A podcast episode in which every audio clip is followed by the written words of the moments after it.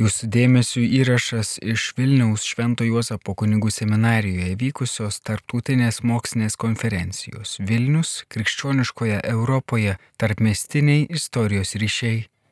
Šiandien pirmoje sesijoje kalbės daktaras Liudas Jovaiša ir daktaras Darius Baronas.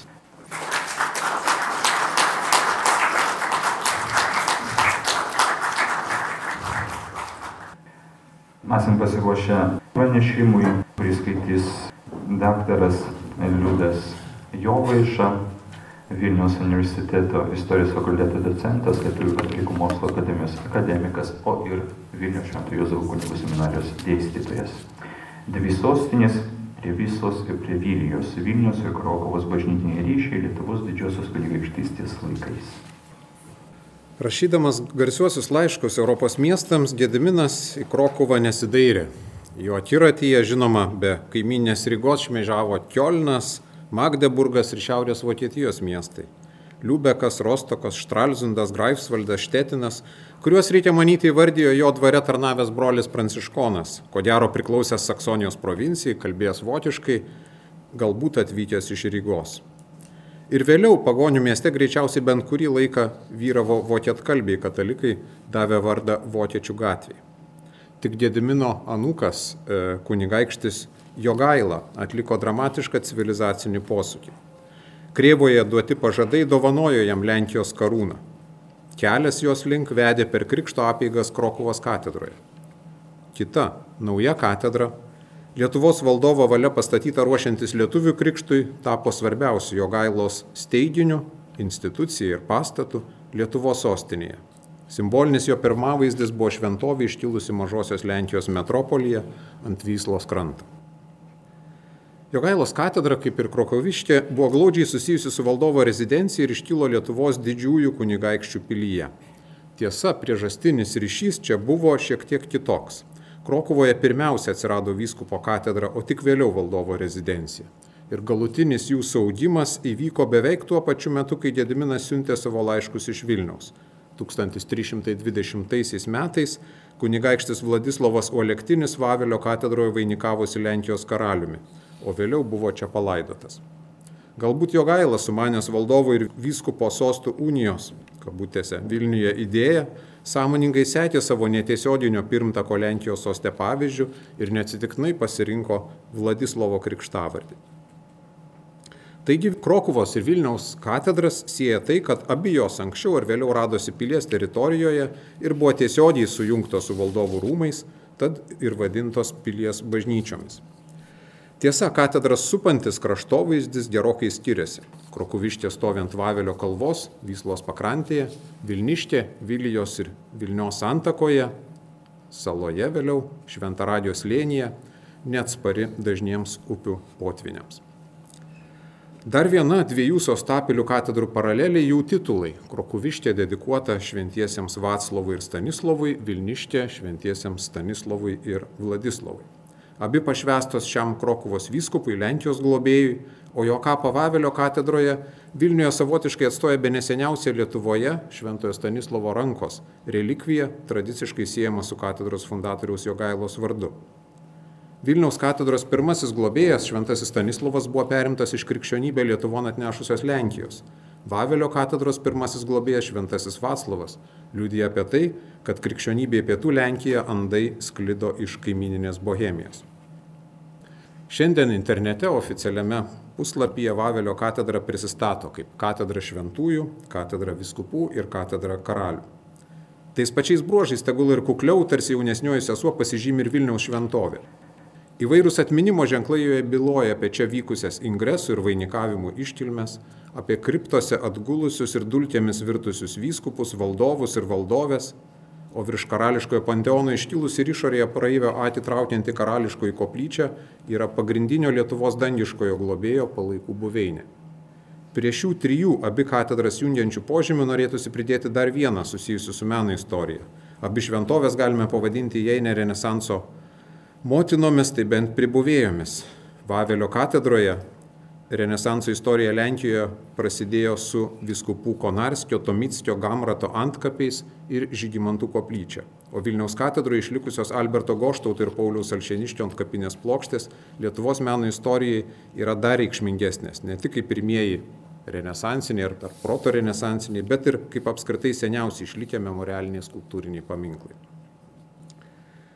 Kaip ir Vilniaus katedra, stiprų Krokuvos poveikį ankstyvaisiais laikais iki Jogalaičio dinastijos pabaigos patyrė ir kitos dvi su ją susijusios institucijos - Vilniaus vyskupas ir Vilniaus kapitula. Pirmieji keturi Vilniaus vyskupai buvo Lenkai, daugiau ar mažiau susiję su Krokuva, kilę būtent iš mažosios Lenkijos. Pirmasis iš jų, pranciškonas Andriejus, prieš atvykdamas į Vilnių rezidavo Krokuvoje kaip faktiškai titulinis vyskupas ir asistavo Jogailos krikšto apieigose Vavelio šventovėje. Antrasis, taip pat pranciškonas Jokūbas vienu metu ėjo Krokuvos konvento lektoriaus, vadėstytojo pareigas. Trečiasis Mikalojus buvo Krokuvos universiteto rektorius. Pradedant penktuoju vyskupų motiejumi Vilniečių, Vilniaus viskupai paprastai jau buvo skiriami Lietuvos indigenai arba piliečiai.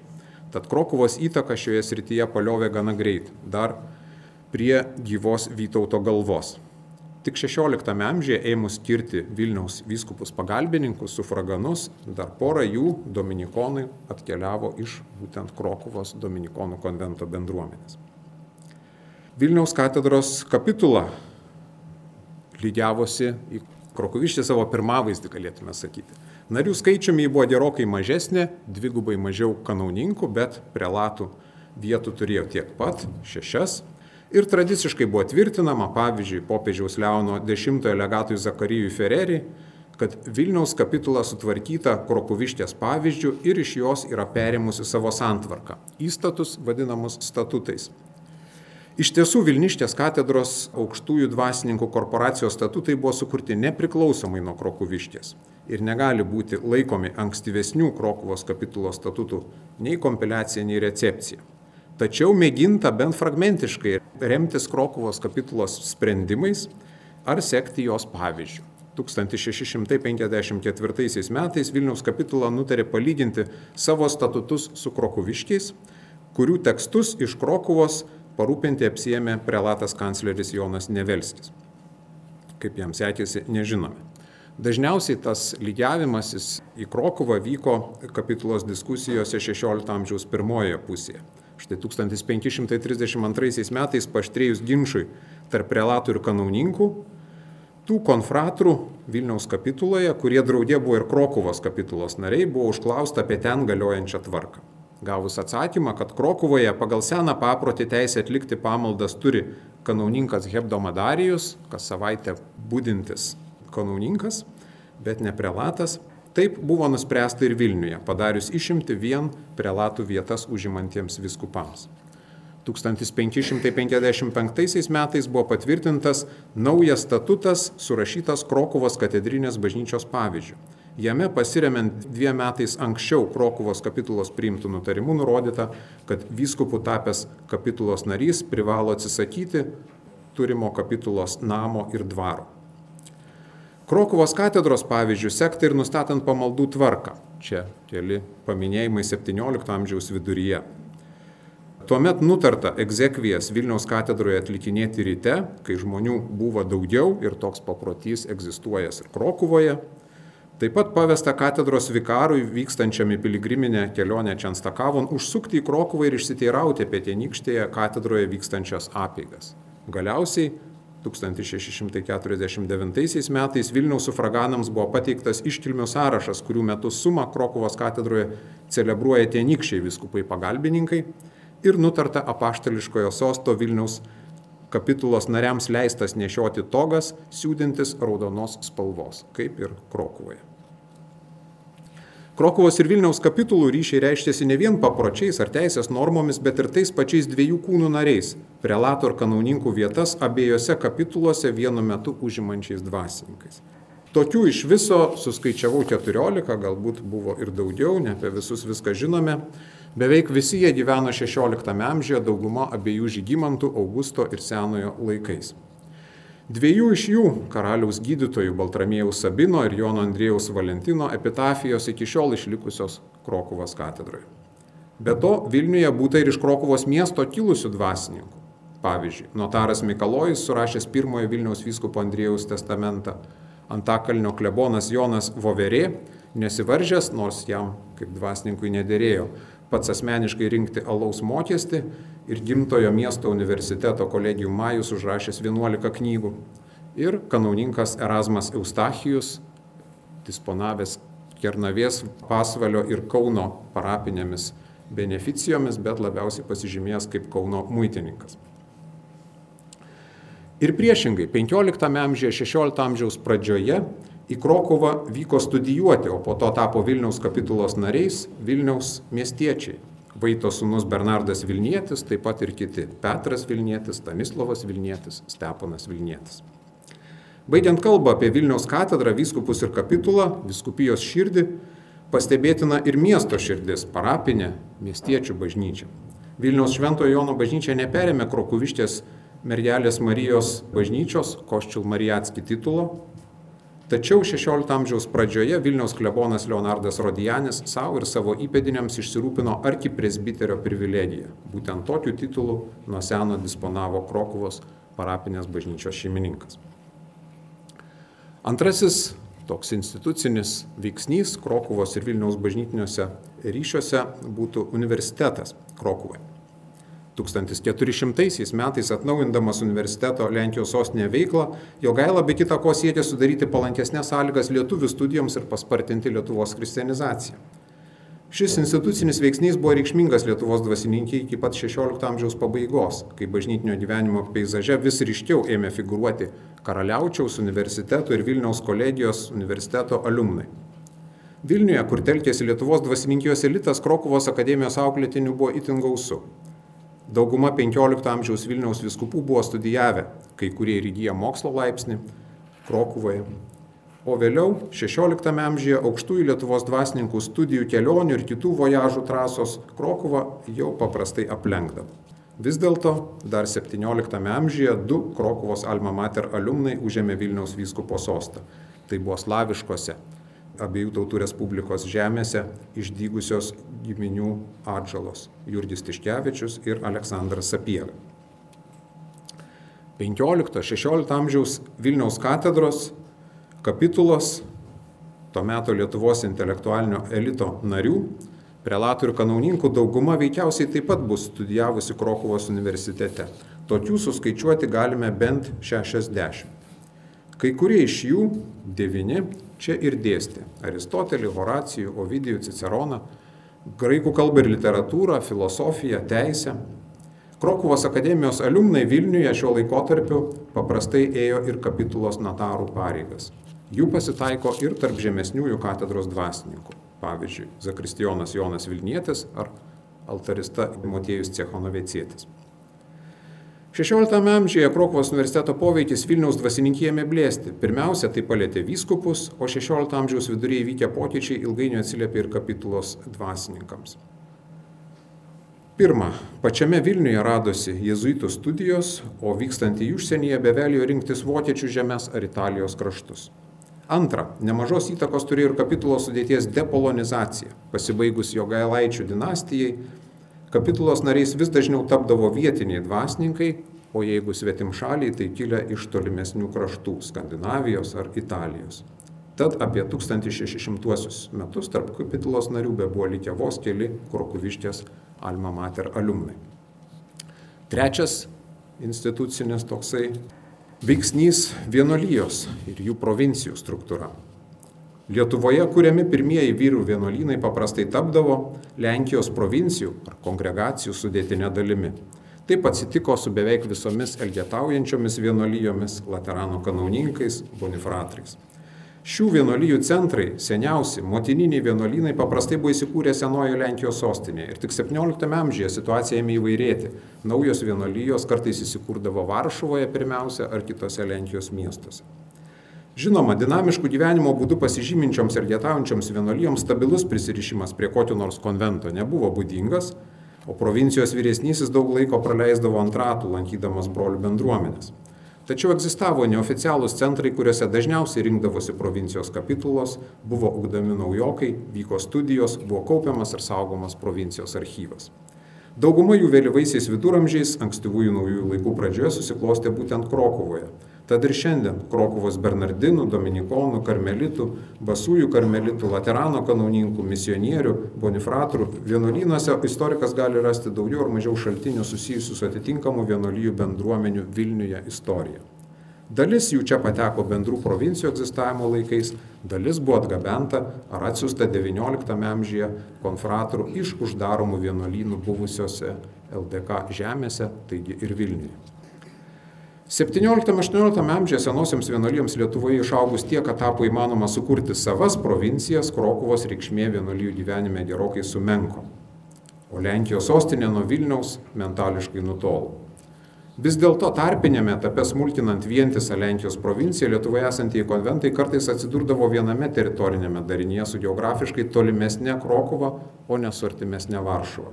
Taip nutiko XVII amžiuje įkūrus naujas mažosios Lenkijos ir Lietuvos provincijas - Bernardinų ir Karmelitų ordinuose. Tad juose Krokuvos įtaka tebe buvo juntama Lietuvos konventams maždaug iki XVIII amžiaus vidurio. Na ir tokių Krokuvos ir Vilniaus vienuolinių ryšių vizualinės išraiškos simbolių gali būti Krokuvos Dievo kūno regulinių kanauninko kongregacijai priklausiusi Antakalnio Šventųjų Petro ir Povilo bažnyčia. Jos architektu pasirūpino Krokuvos kanauninkai, šventovės statybai pasamdė vietos meistrą Joną Zaorą. Apibendrinant Krokuvos ir Vilniaus institucinių bažnytinių ryšių desningumus galima konstatuoti, kad dauguma tokio pobūdžio sąsajų telkėsi ankstyvuoju Lietuvos didžiosios kunigaikštystės gyvavimo laikotarpiu tarp Lietuvos Krikšto ir Liublino unijos. Būtent tuomet nemaža dalis aukštesniosios Vilniaus dvasininkijos buvo susijusi Krokovo savo kilme, išsilavinimu ar bažnytinėmis pareigybėmis, o Vilniaus vienuolynų bendruomenės palaikė gyvą kontaktą su brolyjomis Krokovoje. Paradoksalu, kad Lenkija ir Lietuva suartinus Liublino unijai, Vilniaus ir Krokovos bažnytiniai ryšiai nusilpo. Tai pirmiausia lėmė Lietuvos bažnytinių ir edukacinių institucijų stiprėjimas ir savarankiškėjimas, Tad šiandien kitados artimus dviejų sostapilių ryšius Vilniuje gyvai reprezentuoja tik katedra, šventovė, nekropolis ir valstybingumo bei meno istorijos paminklas. Institucijos, kad ir svarbios, neapriepia viso istorijos arealo. Per jas tarsi per retą sietą prateka ir prasprūsta žmonės. Tiesa, ir kalbėdami apie katedrą, kapitulą, universitetą, provincijas, iš esmės kalbėjome apie tam tikras žmonių grupės Tačiau pabaigai tebūnie leistų paminėti keletą konkrečių vardų. Vokietis Ulrikas Hozijus, tarnaudamas karaliui Žygimantui Senajam iš Krokovos atsikraustęs į Vilnių, čia užauginę sūnų Stanislovą, būsimą į kardinolą ir tridento susirinkimo dalyvį ir fundavęs švenčiausiosios trejybės špitolę, dabartinė Dievo gailestingumo šventovė. Kardinolas Jurgis Radvila, vienintelis istorijoje Vilniaus viskupijos ganytojas įžengęs į vyskupo sostą Vavelio katedroje tėvas Petras Karga, Vilniaus kolegijos pamokslininkas ir pirmasis universiteto rektorius, besilsintis Krokuvos Šventųjų Petro ir Povilo bažnyčios kriptoje. Vilniaus vyskupas Adomas Stanislavas Krasinskis, ištremtas iš savo viskupijos, gyvenimo saulėlydį praleidęs ir 1891 metais palaidotas Krokuvoje.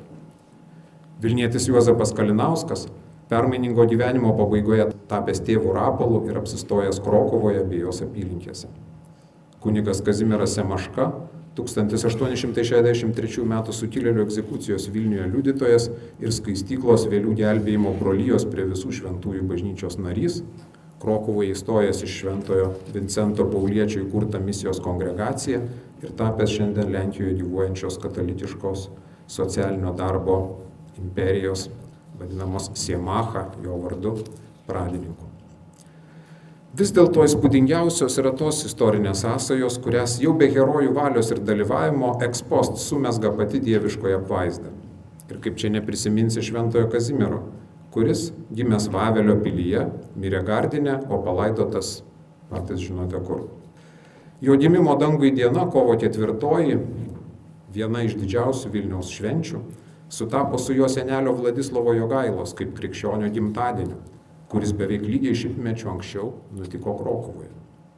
O kiek daugiau nei prieš šimtą metų nuo šios dienos, 1922-aisiais, Šventojo Kazimiero kanonizacijos jubiliejaus proga, Vilniaus katedra buvo pagerbta bazilikos titulu, kuris šventovė Vilijos ir Vilnios slėnyje dar kartą sujungė ir formaliai sulygino su jos vyresnėje seserimi nuo Vavelio kalvos žvelgiančią į Vyslos vandenis.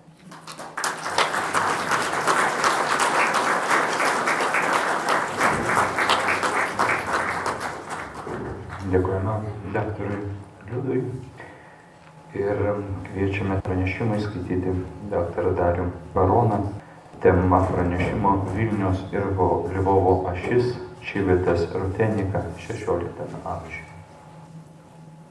Sveiki gyvi. Taigi, Vilniaus ir Lvovo ašis Civitas Rutenika 16 amžiuje. Istoriniai Vilnius ir Lvovo ryšiai plėtojasi plačioje tarp regioninėje erdvėje, kurią formavo Baltijos ir Juodosios jūros pasauliai. Nuo Lietuvos didžiojo kunigaikščio Gedimino laikų Vilnius veikia kaip svarbus tarptautinės prekybos vartai, pro kurios Livonijos, visų pirma Rygos, pirkliai leidausi gilinį Rusijos žemės. Kadangi jau tuo metu Lietuva kontroliavo prieimą prie Dauguvos, Volgos ir Dniepro upėmis besidriekusių priekybinių kelių, ji negalėjo nedominti tų pirklių, kuriems nedavė ramybės klausimas, kaip pasiekti šiaurės rytų, pietryčių ir pietų Rusijos žemės, o gal net ir tolimesnius kraštus. Reikia turėti omenyje, kad ten, kur leisdavosi katalikų pirkliai, ten su jais keliaudavo ir dvasininkai bei vienuoliai. Pirklių ir dvasininkų bei vienuolių žengimo koja kojon supratimas ryškus iš Gedimino laiškų. Būdamas pagonis, jis garsiai skelbė, kad jo šalis plačiai tvirta katalikų dvasininkams ir vienuoliams, bet tik padoriems. Tokių dvasininkų ir vienuolių labiausiai reikėjo pirkliams, kaip ir kitiems potencialiems naujakuriams iš vakarų. Tai nebuvo vien tik garantija, kad pagoniškoje šalyje jie turės galimybę naudotis bažnytiniais sakramentais. Tai buvo platesnis kalbimas apie taiką, apie taikaus gyvenimo sąlygas šalyje gyvenančioje nuolatinio karo sąlygomis. Pabrėžtina, kad viduramžiais vyravo teologinė taikos samprata, kuri taiką tapatino tiek su karo apskritai nebuvimu, bet su sąlygomis, leidžiančiamis bažnyčiai veikti laisvai ir saugiai. To reikėjo ne tik dvasininkams, bet ir taikingų profesijų atstovams, pirkliams ir įvairiausios specializacijos amatininkams. Pagonybės laikų Vilniuje tokia taika gyvavo tik retai, kada sudurmščiama tokių įvykių kaip pranciškonų ar sačiatikių kankinių kankinystės. Iš viso jų turime tris per visus ilgus Gedimino ir Algirdo valdymo laikus. Tokia taika, kurią galime vadinti Pax Lituanika, jau pagoniškame Vilniuje leido šalia lietuvių pagonių kurtis ir katalikų, ir stačiatikių bendruomenėms. Pastaruosius reprezentuoja jau 14 amžiaus pabaigoje net ir prašalaičio akimis žiūrint miesto kraštovaizdyje raiškiai išsiskyręs Civitas Rutėnika Rusėnų miestas. Jo atsiradimas ir plėtra rodo, kad per Vilnių ėjo ne tik vakarų rytų, bet ir rytų vakarų ir pietų šiaurės ūkinio, kultūros mainų ir religinio aktyvumo vektorius. Taigi teorinės sąlygos susisiekti Vilniui ir Lvovui egzistavo jau XIV amžiuje. O kokiagi buvo Lvovo reikšmė? Po Lenkijos karaliaus Kazimiero III didžiojo 1349 metais sėkmingai įvykdytos karinės kampanijos Haličio žemė su Lvovo miestu buvo įjungta į Lenkijos karalystės sudėtį. Bent jau nuo 14 amžiaus antrosios pusės Lvovas buvo ėmė daryti svarbių priekybos tarp juodosios ir vidurio rytų Europos kraštų mazgų. Apie šios vietos strateginę reikšmę nesunkiai galima spręsti iš to, kad visa tai, ką mes dabar matome gražiausio Lvovo senamestyje, išaugo iš pelno, kurį Lvovo gyventojams nešė prekyba su juodosios jūros kraštais. Lvovo prekybinė, ūkinė, o tuo pačiu ir administracinė reikšmė privedė ir prie bažnytinio rango jo iškilimo. Katalikų arkiviskupija, taip vadinamoje Raudonojoje Rusijoje, oficialiai buvo įsteigta dar 1375 metais, tačiau jau 1412-1414 ji buvo likviduota ir jos vietoje atsirado Lvovo arkiviskupija. Kaip šią progą neprisiminti arkivyskupo Jono Žešovskio kuris draugė su Vilniaus vyskupu Petru 1417 metais vykdė žemaičių krikštymo akciją. Kontaktų tarp Lvovo ir Vilniaus katalikų pasitakydavo ir vėlesniais laikais. Geras pavyzdys galėtų būti pranciškonų konventualų veikla 18 amžiaus pradžioje, kai Antanas Gumovskis nutarė padaryti, sudaryti savo mirusiųjų brolių konventualų tokį nekrologą išplėstinį, na ir paprašė, kad iš Lvovo jam būtų atsiųsti Rusijos pranciškonų vardai, nes jie ilgą laiką priklauso tai pačiai provincijai. Šiuo pavyzdžiu noriu tik taip pasakyti, kad tyriant ir gilinantis ir Lvovo, ir Vilniaus kontaktus, aišku, bus galima atrasti naujų iki šiol nežinomų klodų. Abu miestai, Vilnius ir Lvovas, kiekvienas turėjo savo rusienų kvartalą, nes kaip pavadinimas rodo, būtent į rusienus aš ir koncentruosios, kuriuos sekant Vygando Marburgiečio kroniką paranku ir netgi gražu būtų pavadinti Civitas Rutenika. Ankstyviausia man šiuo metu žinoma žinia apie Lvovo ir Vilniaus stačiatikių kontaktus siekia 1547 metus. Tais metais Lvovo ortodoksų vyskupas Makarijus Tučiapskis kreipėsi į Vilniečius stačiatikius, kviesdamas juos aukoti aukas reikalingas atstatyti nuo gaisro nukentėjusią švenčiausios mergelės Marijos užmėgimo cerkvę. Panašus kvietimai Vilniečius pasiekdavo ir XVI amžiaus antroje pusėje, kai minėtoji cerkvė buvo toliau statoma ir pošiama. Tad grožėdamėsi nepaprasto grožio šventovę ir šalia jos stovinčią Kornekto varpinę, galime pasidžiaugti ir tuo, kad ir mūsų kraštiečiai bent kiek prisidėjo prie šio grožio sukūrimo. Pinigai buvo panaudoti pagal paskirtį. Ne tik dėl tinkamai panaudotų lėšų šią cerkvę galima laikyti ryšio tarp Lvovo ir Vilniaus simboliu. Dar svarbiau, kad šalia šios cerkvės ilgus amžius veikia bažnytinė brolyje, palikusi ryškų pėdsaką ukrainiečių kultūroje. Šiuo atžvilgiu ją galime drąsiai statyti į vieną gretą su Ostroho akademija, o gal net ir su Petro Mohylos akademija Kyve, su tam tikromis išlygomis. Galime teikti, kad Lvovo ir Vilniaus ačiatikių brolijos buvo vienmetės, jos susibūrė beveik vienu ir tuo pačiu metu. Jeigu ką nors galima čia veikti vienu ir tuo pačiu metu. 16 amžiaus antroji pusė pabaiga.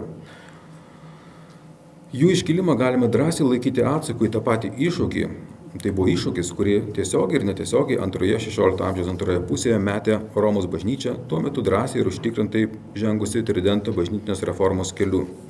Mūsų geografinėse platumose ano meto raktinė figūra tai pirmasis Vilniaus universiteto rektorius minėtas, ką tik tai liudo, Tai, kad jis visai pelnytai yra laikomas Lenkų literatūrinės kalbos korifėjumi, gali nesunkiai įsitikinti kiekvienas, kas tik į savo rankas paimtų ir paskaitytų jo šventųjų gyvenimus parašytus ir paskelbtus Vilniuje 1579 metais, kaip ir kada Vilnius universitetas buvo įkurtas. Tačiau mūsų temai kur kas svarbesnė yra jo kita, lyg ir girčiai su ką tik minėtoje, rašyta ir jau 1577 metais Vilniuje išspausinta knyga apie Dievo bažnyčios vienybę. Joje Petras Karga dramatiškai išstoja kaip bažnytinės vienybės entuziastas, visų savo iškalbos įtaigumu ir argumentų nuseklumu prabylantis į rusėnų stačiatikius. Dažnai istoriografijoje perdėdamas Skargos priešiškumo rusėnams stačiatikiams laipsnis ir pobūdis. Netenka abejoti, kad anu meto polemika mums, pripratusiems gyventi politinio korektiškumo sąlygomis, atrodo neįprastai karšta ir aštri. Bet tuo metu tai buvo įprasta. Be to, ji dažniausiai buvo reiškiama nuosekliai dėstant argumentus. Šiuo aspektu Skarga buvo tipiškas tipiškas savo laikmečio kūdikis.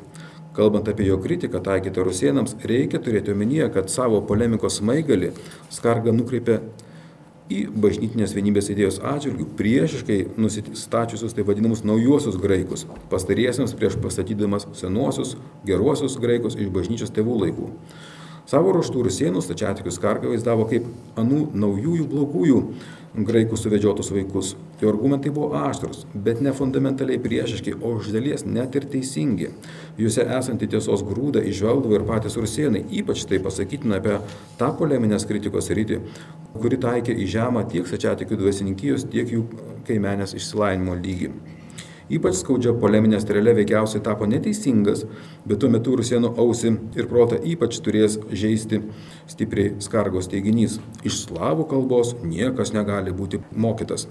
Slavenskiego języka nigdy žadin być nie może. Kaip suprasti šį išsireiškimą? Nuomonės įvairuoja.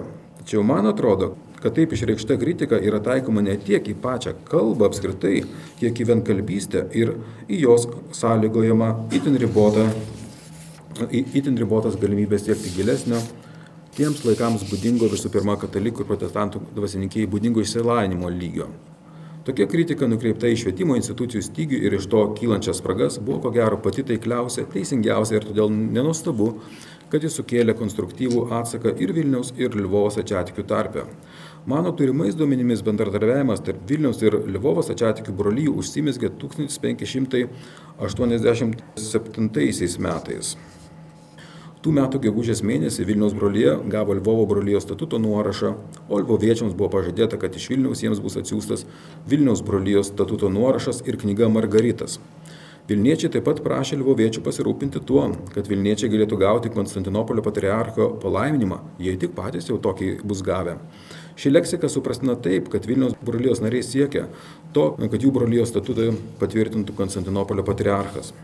Čia jau galime atkreipti dėmesį į fenomenalų rytų bažnyčios hierarchijos atstovų vaidmenį, padedant rusienams stačiatikiams stotis ant kojų.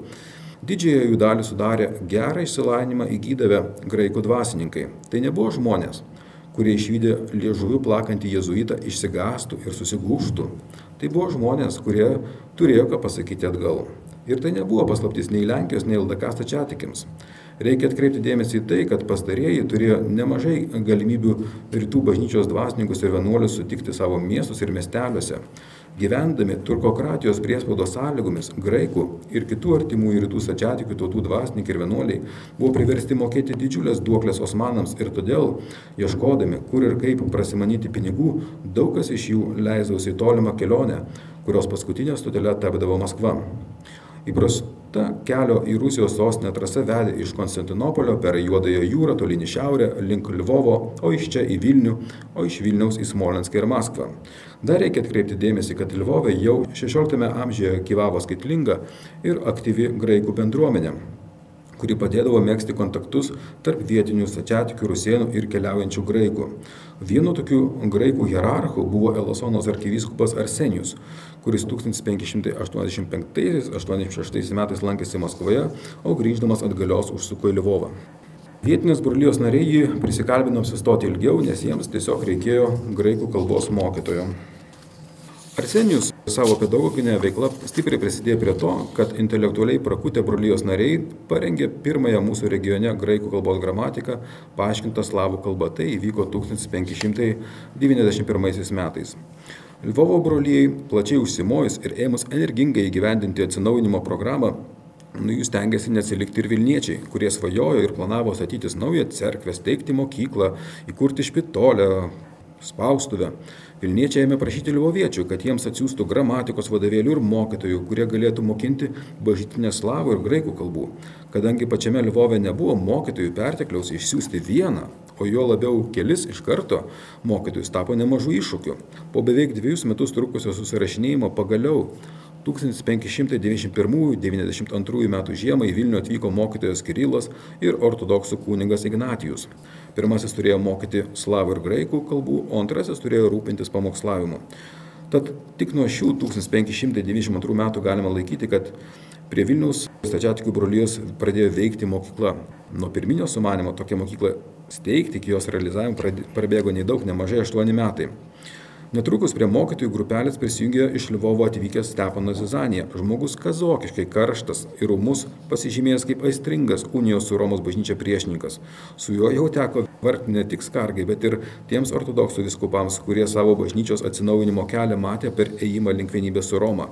Religinės polemikos karštis ėmė mušti naujus rekordus, nes ji dabar jau buvo vedama ne vien iš katalikų pusės. Intensyvėjanti polemika Bresto bažnytinės unijos išvakarėse kūrė didelę paklausą tam, kad čia vietoje Vilniuje galėtų reikštis mokyti graikų dvasininkai. Šiais kritiškai svarbiais metais kaip tik tokių graikų veikla Vilniuje ir buvo intensyviausia. Būtent 1595-1596 metais Stačiatikių brolijos mokyklos rektoriumi buvo Kirilas Lukaris, savo veiklą nukreiptą prieš bažnytinę uniją Vilniuje ir anapus jo plėtojas Aleksandrijos patriarcho Meletijaus Pego pavedimu. Kaip tik jo iniciatyva Vilniuje buvo išleista pirma ir regis vienintelė knyga graikų kalba Dialogos ortodoksos Kristijonos. Šiuo metu turimi šaltiniai leidžia kalbėti apie 16 amžiaus 90-metį kaip apie patį intensyviausią Lvovo ir Vilniaus stačiatkių bendravimo ir bendradarbiavimo laiką. Panašu, kad po Bresto bažnytinės unijos Vilniaus ir Lvovo stačiatkių brolijos veiklos svorio centras pasislinko arčiau politinio ir teisminio veikimo sferos centrų. Stačiatikiams reikėjo savo santykius su unitais aiškintis tiek pačiame Vilniuje, tiek Lenkijos ir Lietuvos valstybės Seime ir įvairiausiuose teismuose. Tokia veikla absorbavo daug energijos, bet tuo pačiu paliko ir palyginti daug šaltinių. Tuo tarpu iš pabirų šaltinių atrodo, kad gyvenimas tekėjo prasesnė vaga. Iš 17 amžiaus pirmos pusės dokumentų matyti, kad tarp Vilniaus ir Lvovo stačiatikių knygų mainai vyko kaip vykę. 1619 metais laiškė Vilniečiai savo bendratikių iš Lvovo prašo atsiųsti jiems tokias knygas - graikišką savadą, menėjas, triodijonų, šešiadienį ir oktoichą. Taip pat galime matyti, kad jau tais laikais tarp Vilniaus ir Lvovo veikia savotiškas tarp bibliotekinis abonementas. Tai yra tarp brolyjų atstovų būdavo sudaromos rašytinės sutartys iš anksto numatančios laiką, iki kada paskolinta knyga turi sugrįžti atgal į Lvovą. Tokio dalyko natūralumas rodo, kad tarp Vilniaus ir Lvovo buvo nuolatinis susisiekimo, susižinojimo kanalas veikęs pirklių dėka. Ką tik patikti duomenys neturėtų kurti įspūdžio, kad ryšiai tarp Lvovo ir Vilniaus ačiatikių vyko tik viena kryptimi. Žinoma, kad Lvovo brolyje kreipdavosi į politiškai įtakingus Vilniaus brolyjos narius, LDK ačiatikių didikus, dėl pagalbos kovoje dėl ačiatikių teisų abiejų tautų Respublikos Seime. Savo laiku Jaroslavas Isajevičius yra pastebėjęs, kad du Vilniaus Ačiatikių mokyklos absolventai - Silvestras Kosovas ir Izaijas Kozlovskis Trofimovičius dirbo mokytojais Lvovo brolyjos mokykloje. Skaitydami Lvovo 1619 m. turto inventorių, jame nesunkiai galime aptikti knygų išspausintų Vilniuje. Kaip antai, tuo metu brolė turėjo tokias knygas - Vilniaus psalmynas, Mokomoji Evangelijos skaitinių knyga spausinta Vilniuje, Mamoničių spaustuvės apieginas, Mamoničių spaustuvės valandų knyga ir panašiai ir taip toliau. Įdomu pastebėti, kad tarp Lvovo stačiatikių brolijos turėtų knygų galime aptikti gan gausų rinkinį vakarietiškų knygų, tarp kurių vyrauja klasikinės literatūros ir katalikų autoriai, bet yra ir protestantų. Kaip antai, apsilankęs Lvovo brolijos bibliotekoje galėjai paskaityti Vergilijų, Ciceroną, Ovidijų, Aristotelį, pasimokyti lotynų kalbos iš jezuito Emanuelio Alvareso vadovėlio ir pasipraktikuoti gražaus kalbėjimo meno iš gausiai ten turėtų retorikos vadovėlių. Jei norėjai nuo lotynų kalbos perėti prie lenkų, tau paslaugiai būtų atnešta Martino Bielskio kronika, lenkiškas psalmynas, galbūt net ir Liuterio katekizmas, jeigu tau toks poreikis kiltų. Jei pajustum norą būti politiškai raštingas, galėjai susipažinti su Liublino Seime 1569 metais vykusiais disputais, pasiskaityti konstitucijų, tai yra Seimo sprendimų knygų.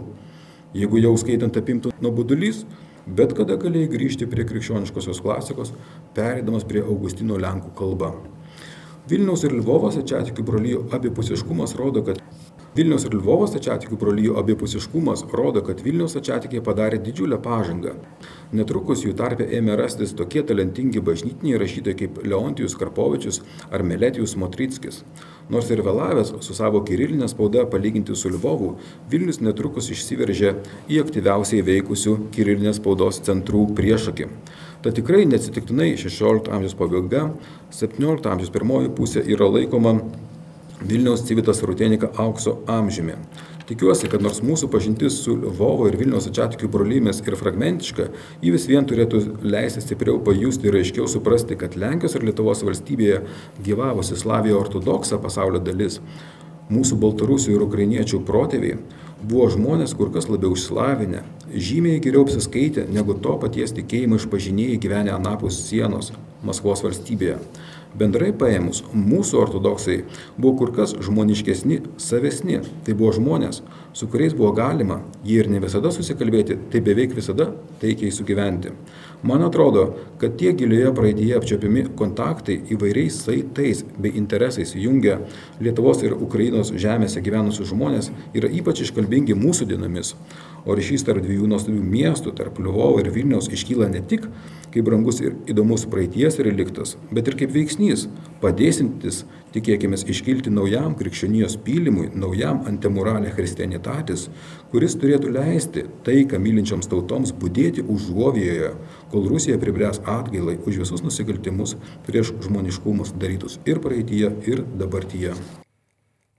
Šioje laidoje girdėjome istoriko daktaro Liudo Jovaišos pranešimą dvi sostinės prie Vyslos ir prie Vilijos, Vilniaus ir Krokovos bažnytiniai ryšiai Lietuvos didžiosios kunigaikštystės laikais ir istoriko daktaro Dariaus Barono pranešimą Vilniaus ir Lvovo ašis Civitas Rutenika, XVI amžius.